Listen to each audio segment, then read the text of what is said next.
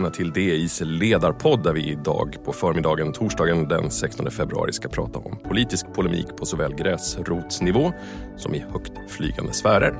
Jag heter Andreas Johansson och är debattredaktör på Dagens Industri. Välkommen säger jag till Frida Wallnor, politisk redaktör och Henrik Westman, ledarskribent på DI. Unidentified Aerial Phenomena, UAP alltså, inte längre UFO. Det är så de här farkosterna kallas som USAs flygvapen har skjutit ner och som har blivit en stor snackis. Fyra stycken har det blivit hittills och den första hävdar USA är en kinesisk spionballong. Det redan ansträngda läget mellan Kina och USA har nu skruvats upp ytterligare. Vad är det vi faktiskt vet? Vad är det som har hänt Frida? Jo, men det vi vet är väl att det är bara en av de här fyra ballongerna som har bekräftats vara kinesisk. Och det var ju den här första som sköts ner den 4 februari av ett amerikanskt stridsflyg när den kom ut över vattnet där vid, vid kusten vid North Carolina.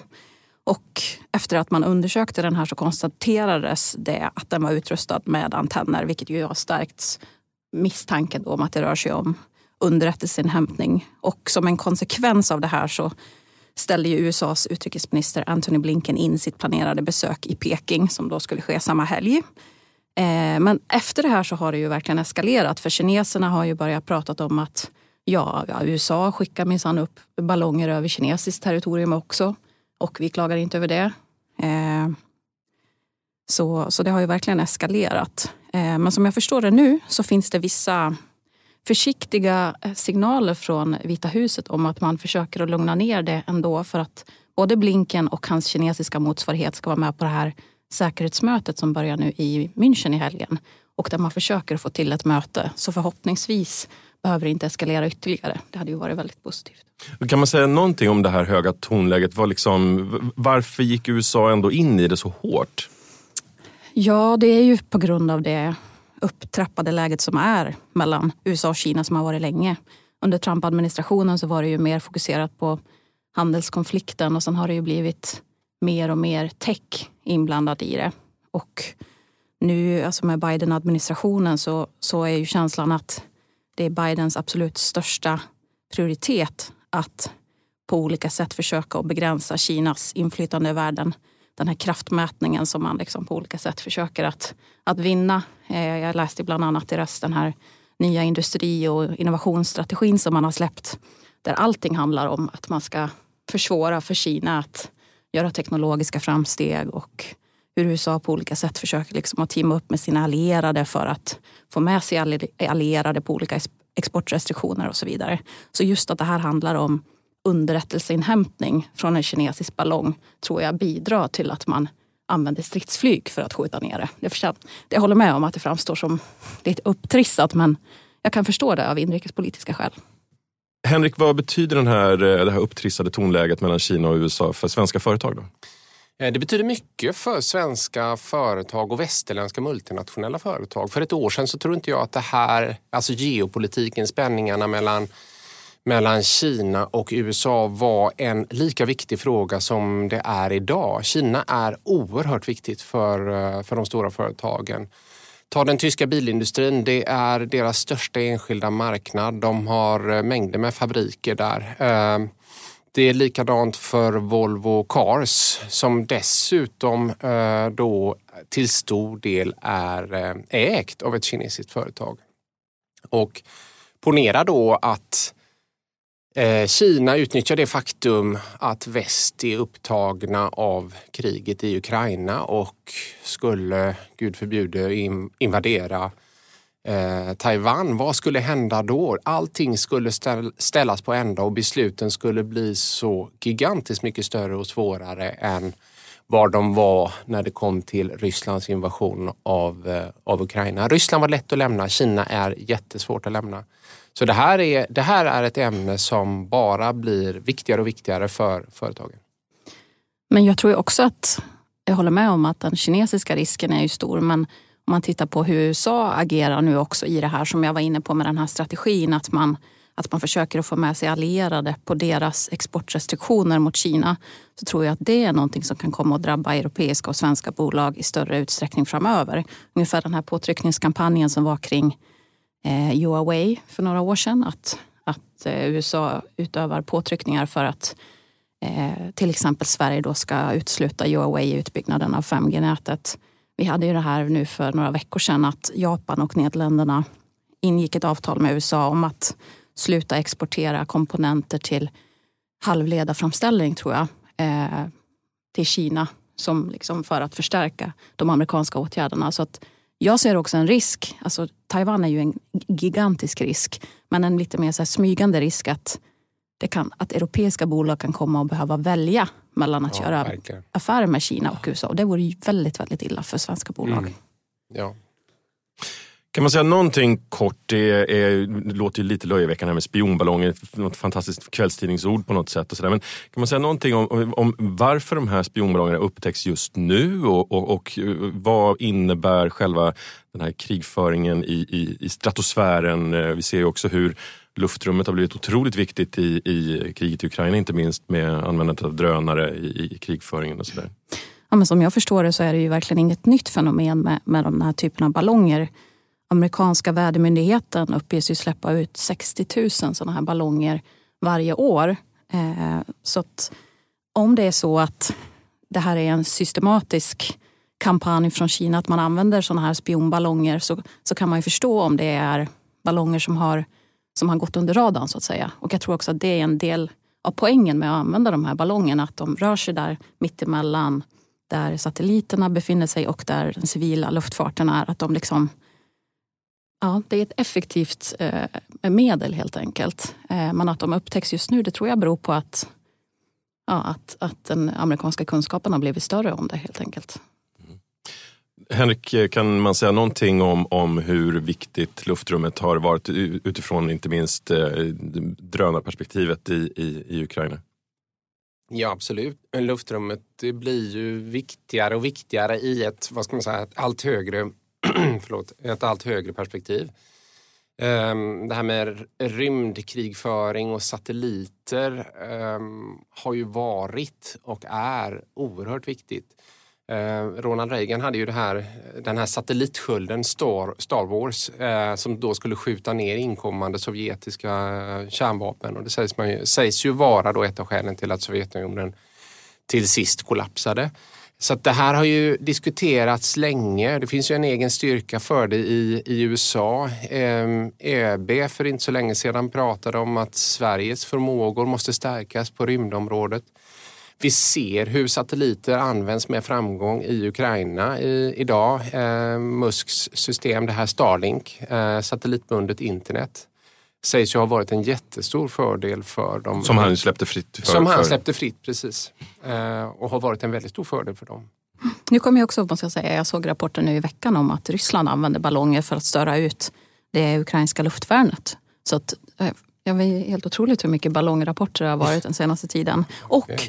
Tobias Billström i veckans utrikesdeklaration tog också upp det här som du säger att Sverige Eh, är en stormakt på det här området. Förutom Frankrike är ju Sverige det enda EU-landet som har förmågan att skjuta upp satelliter. Och det är någonting som Sverige borde utveckla framöver tycker han. Så det är jätteintressant. Sverige en rymdnation alltså. Stort tack. Tack Henrik och Frida. Vi ska byta ämne och prata om konflikten i Botkyrka och studieförbundens kopplingar till politiska partier. Vi börjar med en liten bakgrund för den som händelsevis inte hunnit hänga med i svängarna. Och i persongalleriet Ellen Gustafsson, biträdande redaktör på DIs ledarredaktion och Tobias Wikström, ledarskribent, ge oss en sammanfattning av vad som har hänt. Ja, det har varit en, eh, en riktig härva detta. Eh, men om man, om man ska liksom ta där det verkligen började så var det väl egentligen i i början av förra året när eh, Botkyrka kommun stängde ner ett antal fritidsgårdar som drevs av ABF. Hej, Ulf Kristersson här. På många sätt är det en mörk tid vi lever i. Men nu tar vi ett stort steg för att göra Sverige till en tryggare och säkrare plats. Sverige är nu medlem i Nato. En för alla, alla för en. Expressen gör varje vecka podden Politikrummet där vi djupdyker i det senaste och viktigaste inom svensk politik. Med mig, Filippa Rogvall, som programledare tillsammans med mina vassa kollegor. Och det är ju ni som heter Thomas Nordenskjöld, Anette Holmqvist och Viktor Bartkron. Politikrummet kommer med ett nytt avsnitt varje tisdag. Vi hörs.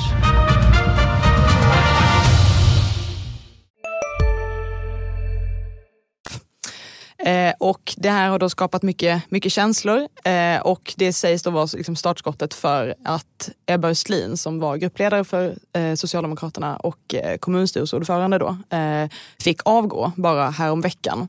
Och eh, ganska kort efter att hon eh, blev bortröstad då på ett medlemsmöte så började det komma eh, artiklar eh, om att kriminella skulle ha spelat en roll i då att få henne eh, bortröstad helt enkelt. Eh, så att det är egentligen det som diskussionen har hamnat om efter det. Eh, vilken roll spelade kriminella i det här? Eh, vad har vem vetat under hur lång tid? och sen så har det ju så att säga, nu kulminerat i att Socialdemokraterna kom med sin egen utredning. det var väl tidigare i veckan som de släppte den. Eh, där de konstaterar att eh, partiet inte har blivit eh, övertaget av gängkriminella. men det säger ju inte att, att kriminella inte har spelat en roll i att det blev så här. Man kan väl säga att intrycket är ändå att, att det kanske inte är så att det finns många människor som ljuger i den här historien, alltså när de olika sidorna kommer fram. Men det är nog många som inte säger riktigt allt tänker jag. Eh, I dagens Svenska Dagbladet, idag, eh, idag torsdag, så fanns det en, en stor intervju med eh, do, eh, två socialdemokrater som kommer från den sida som då vann över Ebba Östlin i den här omröstningen. Och de ger ju en bild av, att, eh, av Ebba Östlins ledarskap som inte, ja, de beskriver hennes ledarstil som, vad ska vi säga, brysk. Eh, och att eh, de hade, det fanns missnöje med denna. och det behöver ju verkligen inte vara osant. Eh, man kan ju tycka att det är lite märkligt att detta kommer då upp så snart efter ett val där hon ändå står som eh, frontnamnet för Socialdemokraterna. Eh, om ledarstilen nu har varit på det där viset så har väl det visat sig tidigare och då, det, då ser det väldigt illa ut tycker jag när man, när man kallar medlemsmöte för att avsätta en relativt nyvald ledare av, från det egna partiet. Och, och, faktum är ju också att det ena behöver inte utesluta det andra. Alltså det kan ju finnas en personkonflikt och en falang som, som gärna vill byta ut den och som i sin tur tar hjälp av andra personer som också vill bli av med en person som kanske har gjort livet lite struligare. Eh, så att just det här fokuset på att det är en personkonflikt i grund och botten. Jag tycker egentligen att det är bara ett väldigt, väldigt märkligt sätt att försöka förminska detta och liksom blanda bort korten kring vad kriminella kan ha spelat för roll i, i det här partiet.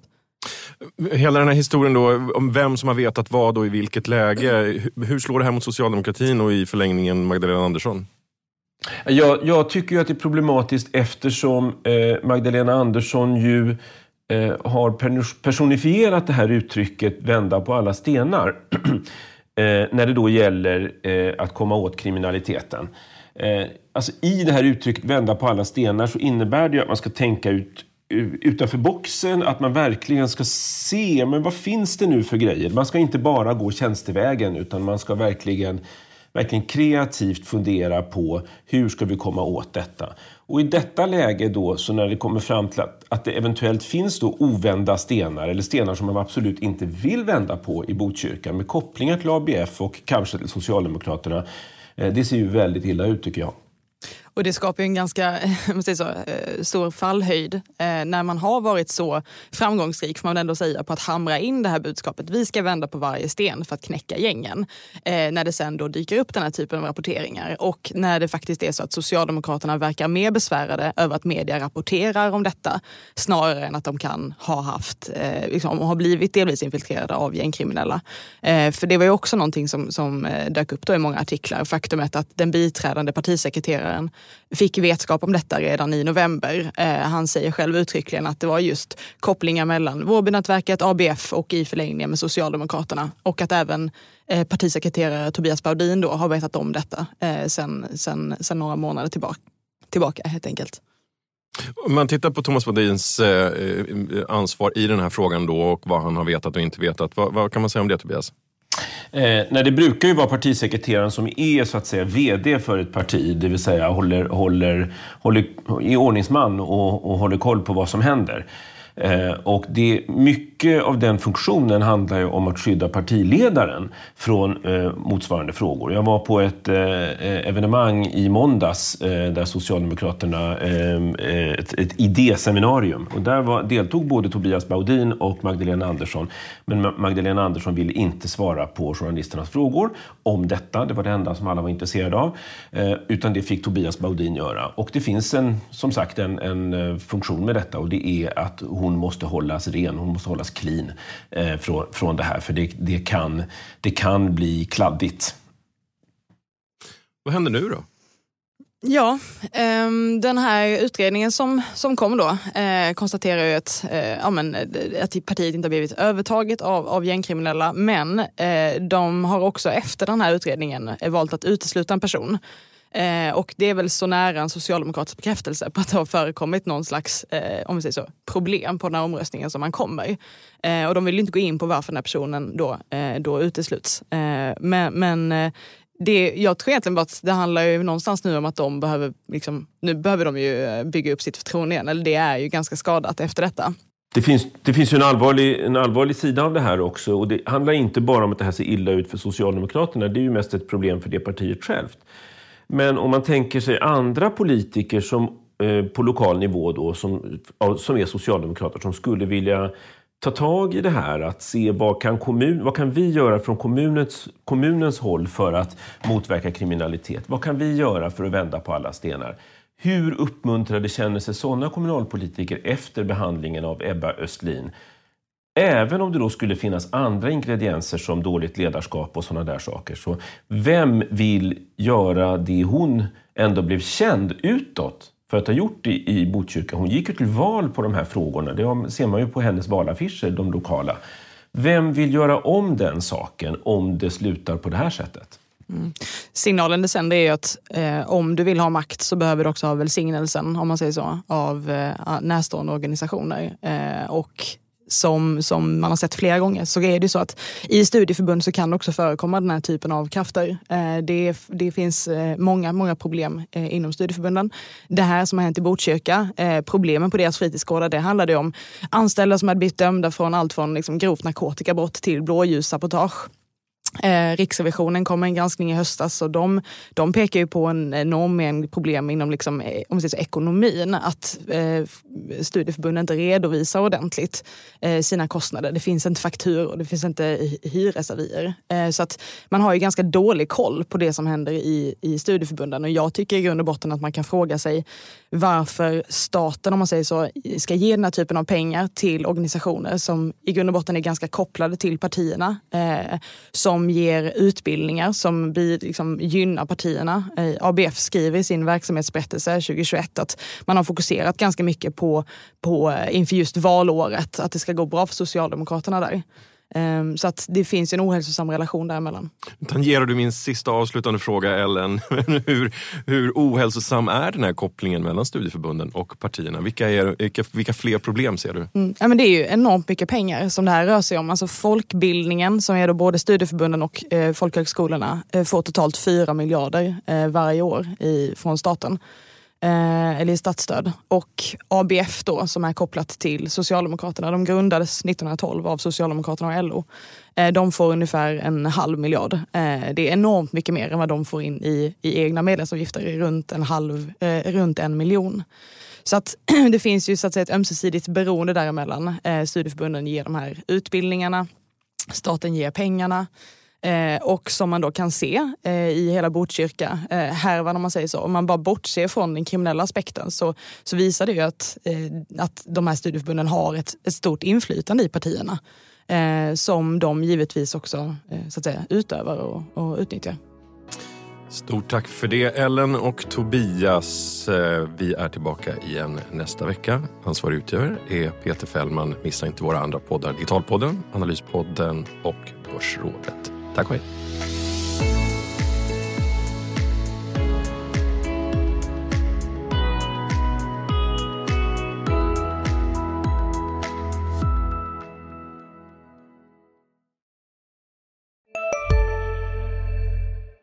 Har du också valt att bli egen?